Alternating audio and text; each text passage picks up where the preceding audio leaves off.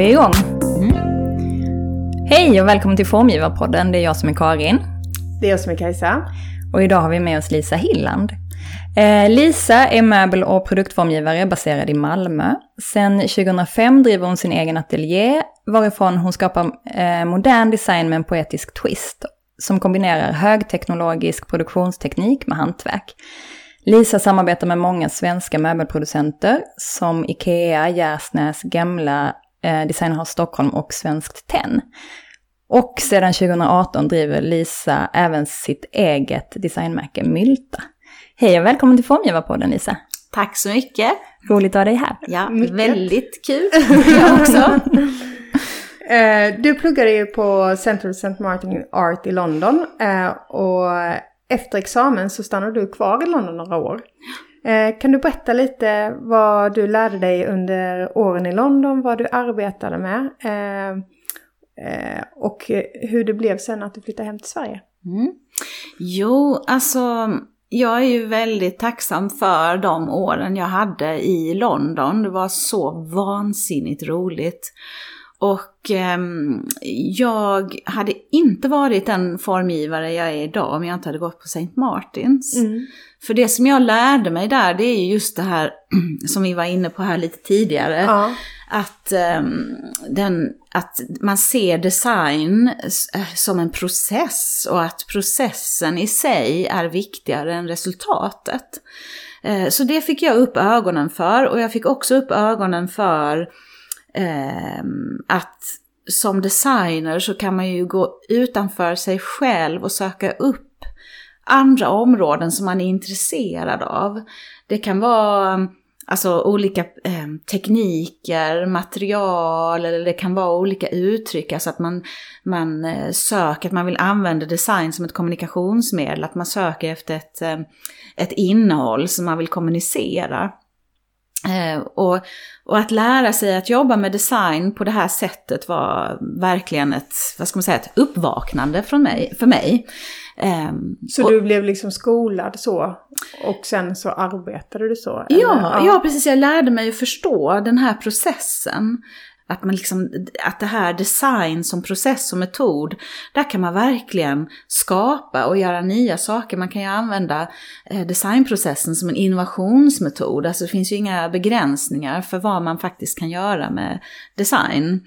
Mm. Ehm, så det var för mig en aha-upplevelse.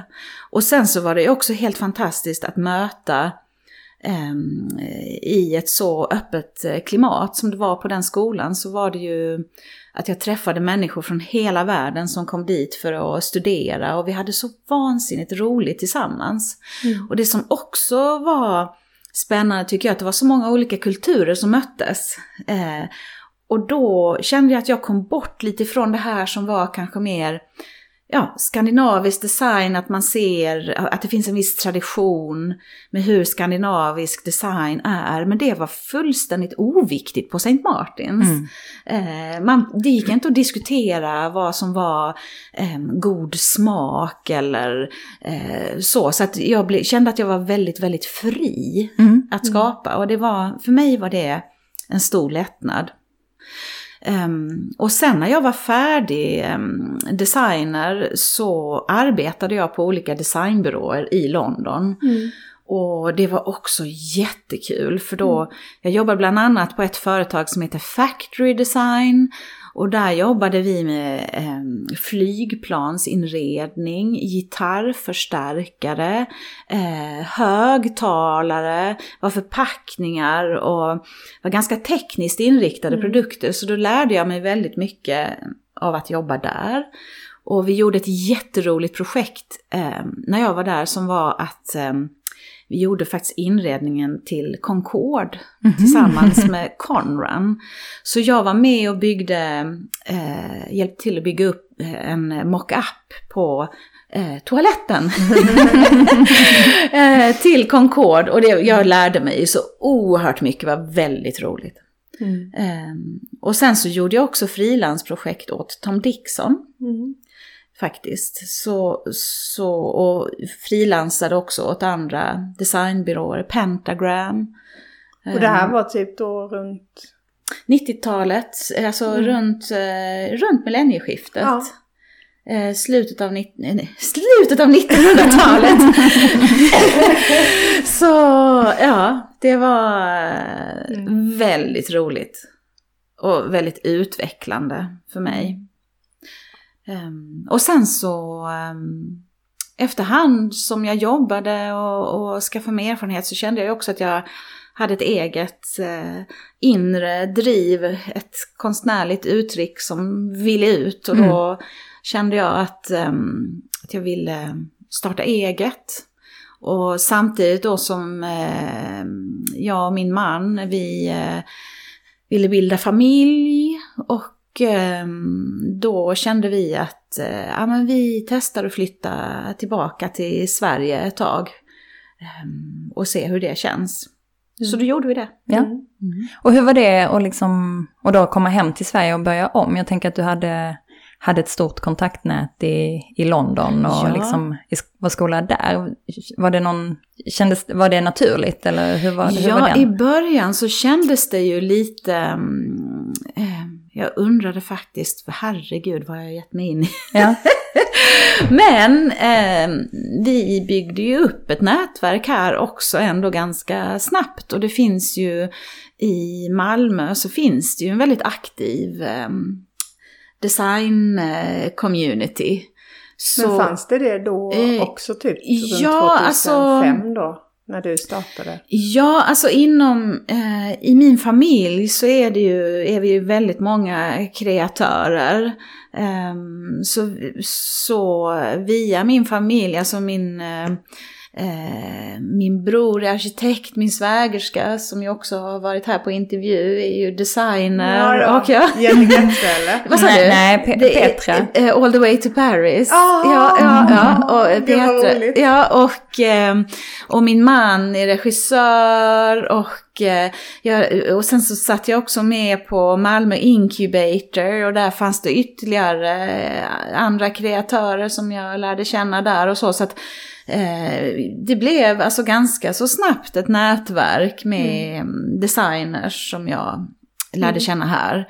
Ehm, och sen så har jag i alla år också bibehållit kontakterna jag har Mm. utomlands. Eh, väldigt många, både goda vänner och affärsrelationer utomlands. Och jag tycker jättemycket om att ha just den känslan av att bo här. Mm. Men att man känner, alltså i och med att jag har bott eh, utomlands så känner jag att jag älskar att bo här men jag känner mig ändå mer som en världsmedborgare än en typisk svensk. Mm. Ehm, och det tycker jag är en, en härlig känsla att Mm. tänka så. Mm. Men ehm, hur ser din kreativa process ut? Mm. Ehm, jag tror, för mig handlar det väldigt mycket om att jag måste skapa för att överleva. Jag har alltid varit så. Mm. Eh, ända sedan jag var liten, jag kan inte minnas en dag där jag inte har längtat efter att få hålla på med något kreativt. Jag tror att för mig är det ett sätt att, att filtrera världen och eh, må bra.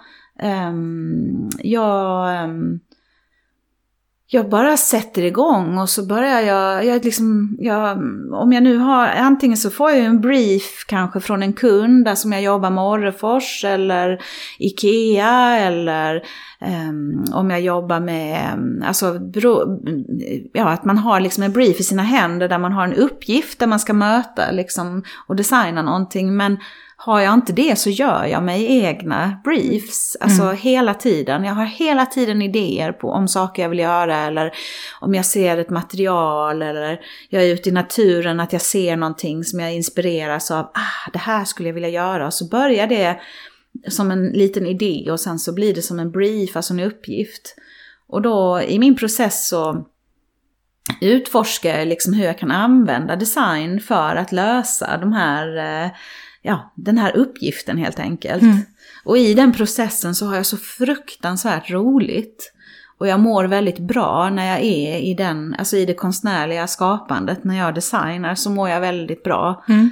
ehm, jag kommer in i ett sorts flow där jag glömmer allt annat omkring mig och ehm, jag tror att eh, det är en av anledningarna till att jag fortsatt, för jag mår så otroligt bra när jag är inne i den processen. Mm. Och jag har alltid varit sån. Eh, och jag har försökt i perioder att, att liksom kanske inrikta mig på lite annat eller sådär, men det har inte gått. Inte Så meningen. jag har, ja, precis. Men, men den, då, sådana saker behöver jag också sen för att jag är så väldigt fokuserad när jag jobbar. Så att eh, då behöver man sen fysiskt verkligen blåsa ut. Alltså antingen så går jag ut och går med hunden eller jag springer eller jag, jag måste liksom motionera för att det blir liksom som en sån moteffekt Mm. mot att vara så oerhört koncentrerad. Ja, spännande. Mm. Du grundade ju ditt egna designmärke, Mm. Milta, eh, 2018. Hur kom det sig? Kan du berätta lite bakgrunden? Mm. Jo, alltså för mig så Mylta handlar ju om ehm, ett ställningstagande från min sida, alltså hur jag ser, alltså man, jag funderar ju varje dag på hur hittar jag min roll som designer och eh, Särskilt i förhållande till alla problemen vi står inför med klimatförändringar och så här. Och eh, alltså det handlar väldigt mycket om att jag eh, ville skapa någonting där jag kan vara i fullständig kontroll över hela processen. Eh, både designa och producera själv och då kan jag säkerställa att, eh, att de här produkterna eh, görs på ett hållbart sätt. Alltså precis så som jag vill att det ska vara.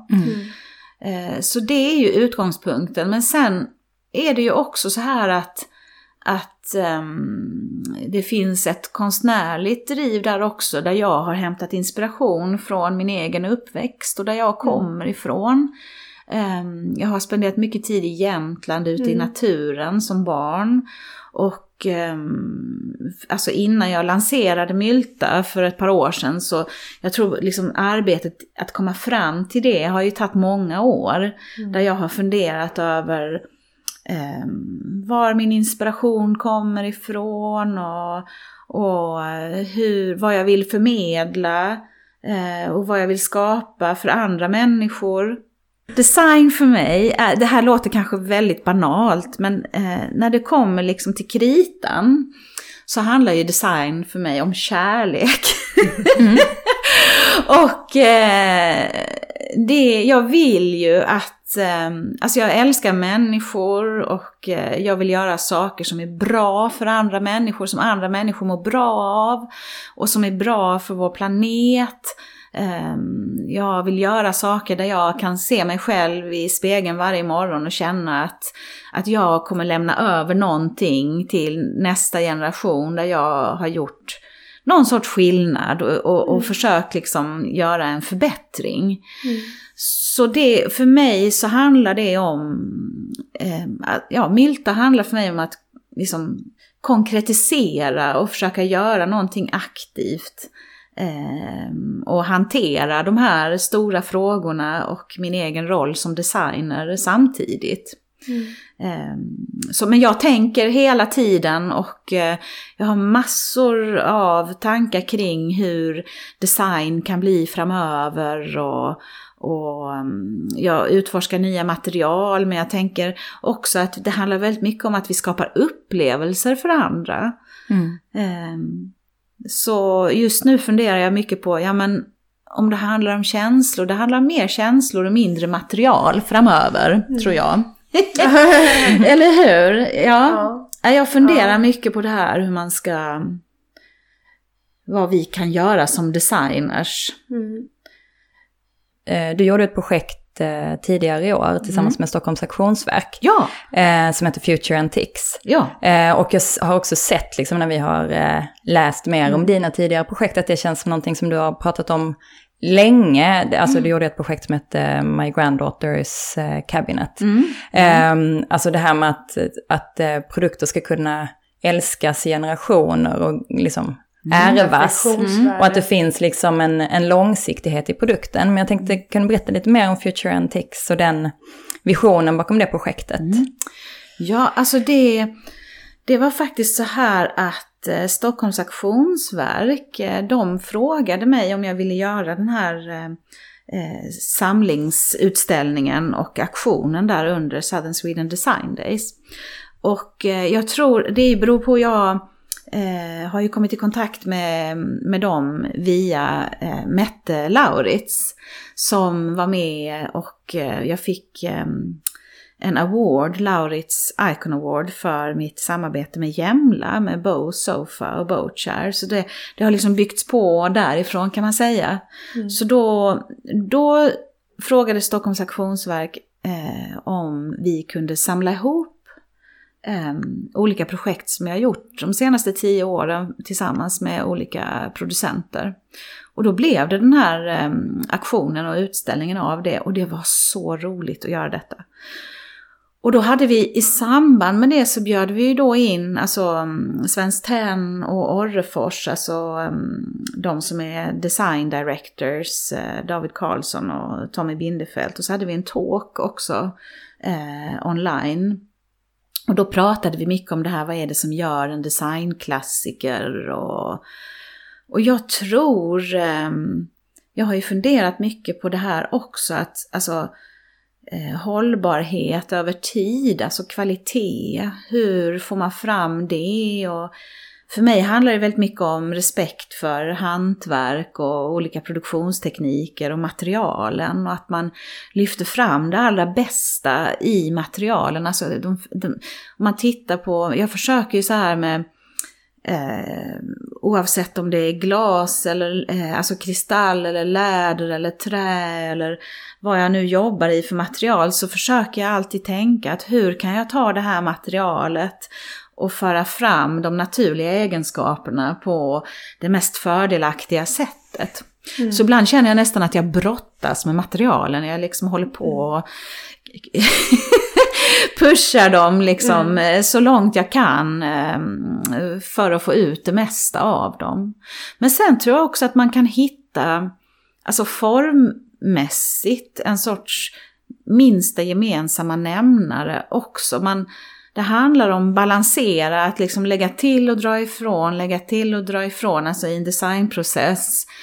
Där man plötsligt hittar bara jag brukar tänka att det är som en, eh, en kör faktiskt. Att plötsligt så bara känner jag, jag lägger till och drar ifrån och så plötsligt så börjar klinga det som en ren ton i formen. Då blir det en, en lead singer. Ja, precis. och, då, ehm, och då känner jag att nu är jag rätt på det. Så här, nu, nu börjar det liksom likna något.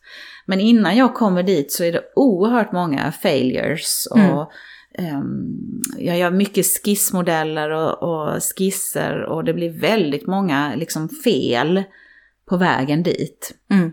Ehm, men jag tror att en designklassiker har väl någon sorts ärlighet i sig kanske. Ehm, att man utgår från materialen och funktionen och estetiken och att det blir som på något sätt att när de här sakerna jobbar bra ihop med en omtanke om användaren.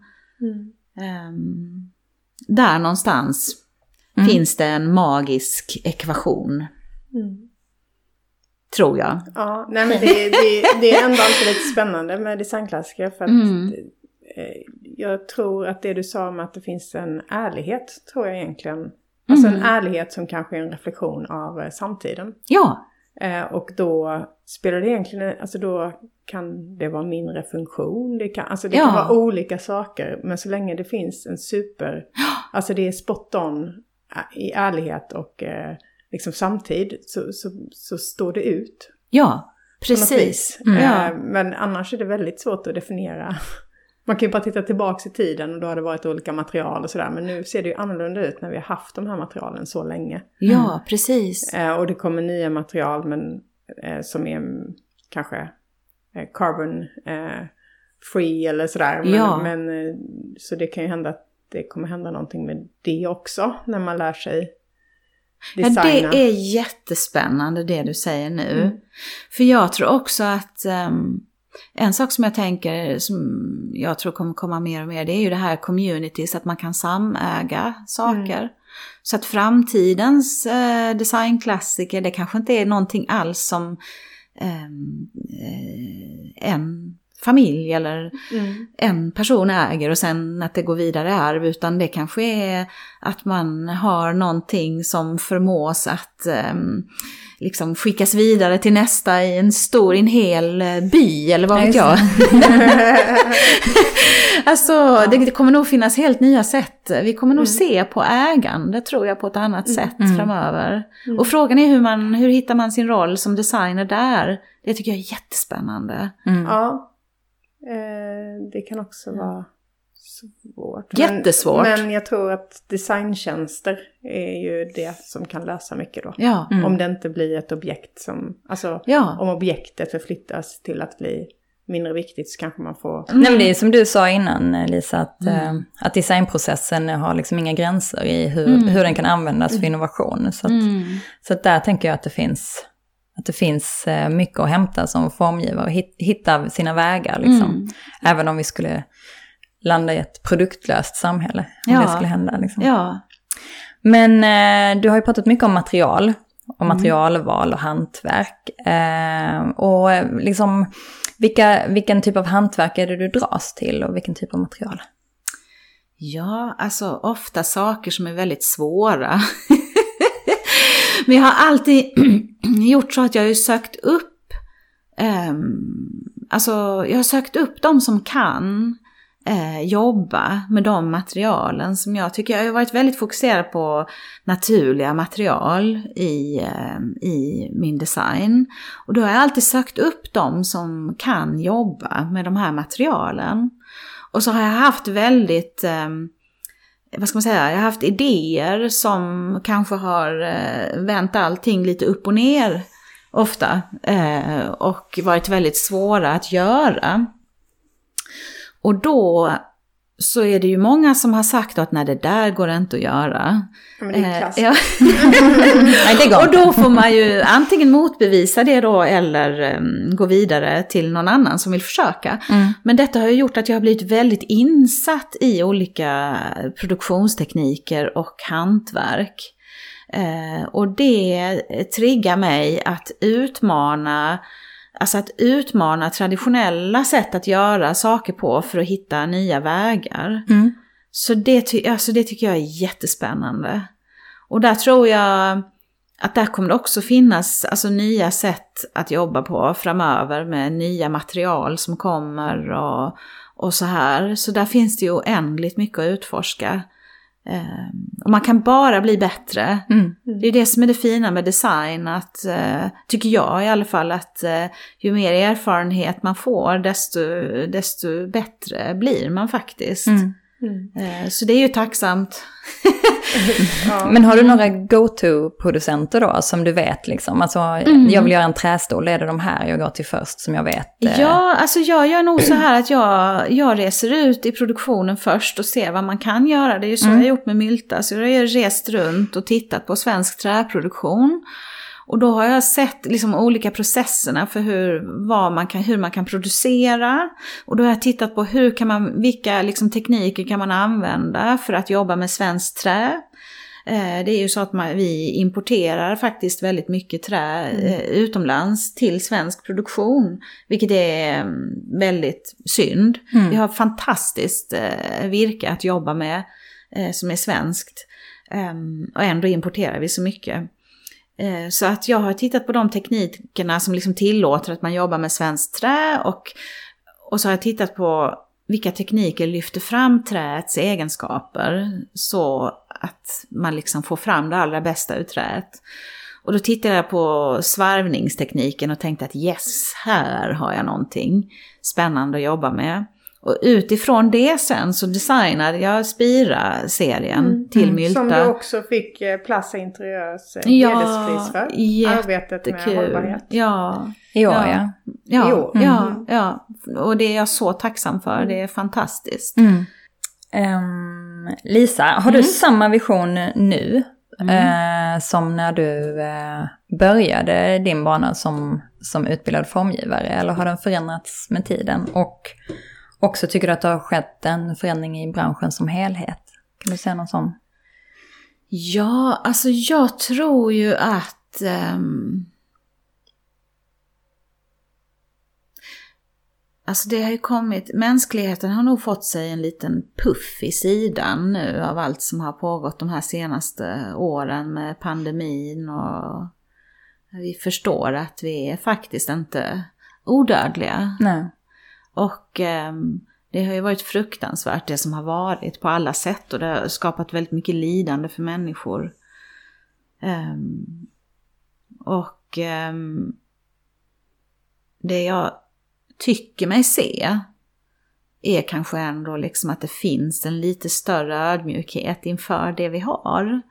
Mm. Um, och, um, och jag hoppas att det också kommer att, och genomsyra, och jag tycker mig se att det också genomsyrar faktiskt eh, det som kommer fram nu inom designbranschen lite mer eftertänksamhet, mer fokus på hållbarhet. Eh, att ja, man skalar av det som det som inte är det absolut mest nödvändiga just nu. Och det kan vara någonting väldigt fint i det. Sen kan jag liksom, för min egen del sådär, så tänker jag att så som jag började med design, jag har ju hela tiden haft i mig, i det sättet som jag växte upp, att jag, jag älskar naturen och jag är väldigt mycket i naturen och mina föräldrar och min morfar och så tog mig ut i, i skogen. Vi avverkade ju skog till en liten stuga som vi har ute i Jämtland och för mig sitter det så djupt rotat i mig att att eh, vi människor är en del av naturen och att eh, vi måste ta hand om naturen som en del i vår egen överlevnad. Så jag tänker att eh, det har alltid funnits i mig som en sån här röd tråd i det jag har gjort. Ehm, men sen så hoppas jag ju nu att ehm, att det kommer att ske en förändring liksom på, på bredare front från både större, de här större producenterna och, och, ehm, och även hur vi konsumerar. Och, sen tror jag ju då att det kommer komma fram mycket mer så här mer speciella upplevelser kopplade till design. Så det blir ju spännande att se hur utvecklingen går och eh, för egen del så vill jag ju vara med och påverka så, jag, så bra jag bara kan genom allting jag jobbar med. Ehm, och då kanske inte bara just mitt eget arbete som designer för andra varumärken eller med Mylta utan jag skulle kunna tänka mig att jobba på andra sätt också. Mm. Men hur vet jag inte riktigt ännu. Jag är inne i en process där jag funderar väldigt mycket på det mm. just nu. Mm. Så vi får se. Ja, Spännande. ja, ja. Eh, vad är ditt eh, drömprojekt Lisa? Alltså jag tycker ju att um... Ja, alltså det där är en jättesvår fråga. Eh, för om man får välja och vraka, om man skulle få säga mm. precis vad som helst. Det får man. Mm. Då har jag faktiskt en idé som jag har tänkt mycket på. Mm. och det är att jag tycker att um, vi skulle göra några riktigt fina um, sopsorteringsstationer i Malmö. Mm. jag tänker eh, att man skulle gå ihop om Malmö stad hade kunnat um, ställa sig Som bakom. Som like art projects typ? Ja, jag tänker... Um, så att det är liksom härligt att sortera? Ja, precis. Och jag tänker... en konstupplevelse? Ja, nej, för jag skulle vilja så här... Eh, att, eh, för jag tänker själv när jag liksom sorterar och, och håller på att det känns liksom så ofta så tråkigt när man gör det. Och, Det är en sån otrolig reality check att stå där Ja, med sina jävla Ja, påsar. ja, och jag tänker att man skulle kunna sätta ihop ett väldigt spännande projekt med arkitekter och konstnärer och designers. Jag tänker också att man Jag skulle det är kunna... en bra idé. Ja, helt ja, att man skulle kunna bjuda in, tänker jag, ungdomar från olika delar av Malmö. Så att man liksom får med sig hela mm, stan på det här. Och så gör man helt underbara eh, sopsorteringsstationer där folk vill liksom hänga. Det är en jättefin idé. Också roligt om man skulle göra olika på olika platser så man kunde åka på en sån sopsorteringssafari. eller hur? Ja, lite Ta med sig sina påsar ut Ja, till ja, ja. Lindeborg Ja, för att där eller har man inte varit. Ja, ja, ja, Men jag eller tänker hur? i Malmö har man ju så temalekplatser. Tänk om man kunde ha så tema sopsorteringsställen. Och så var det liksom Ja. olika upplevelser då som vi pratade om. Mm. Ja. Så att det blir eh, så här, förknippat med något eh, härligt. Och inte bara en sån reality check. Ja. man kommer där med sina ölburkar och massa papp och Ja, och sen så också... reklam. Och, Ja, och att det kunde vara faktiskt vara ett ställe som man träffades lite på. Mm. Eh, så här att man, man går ut och sopsorterar och så träffar man sina grannar där och så kan man prata lite. Och, Mm. Mm. Det är ett jättefint drömprojekt. ja. Och vad har, du, vad har du i pipelinen just nu då? Ja, just nu så håller jag på med nya saker till Mylta och förbereder det. Ehm, sen så har jag också ett nytt projekt med Orrefors som ligger i pipeline. Mm. Och ehm, ja, lite så här ehm, olika saker. Jag har gjort ett par projekt till IKEA också i år. Så, men sen så är det ju det här som är liksom ett fortsatt, en fortsatt så här balansgång med tiden när man har många järn i elden. Att, ehm, att hinna med Mm. allt det man vill. Ehm, Jag har alltid så mycket att göra så att, ehm, eller mycket jag vill göra. Mm. Och sen så förbereder jag också inför designveckan i februari, vad som ska hända då och Mm. så här. Så det är mycket roligt att se fram emot. Ja, Mm. härligt. Skoj. Ja. Lisa, tack så mycket. Tack För att du själva. kom hit. Ja, Ja, Spännande. jätteroligt kul att prata med dig. att prata med er. Väldigt inspirerande. ja, hej då! Hej då! Hej!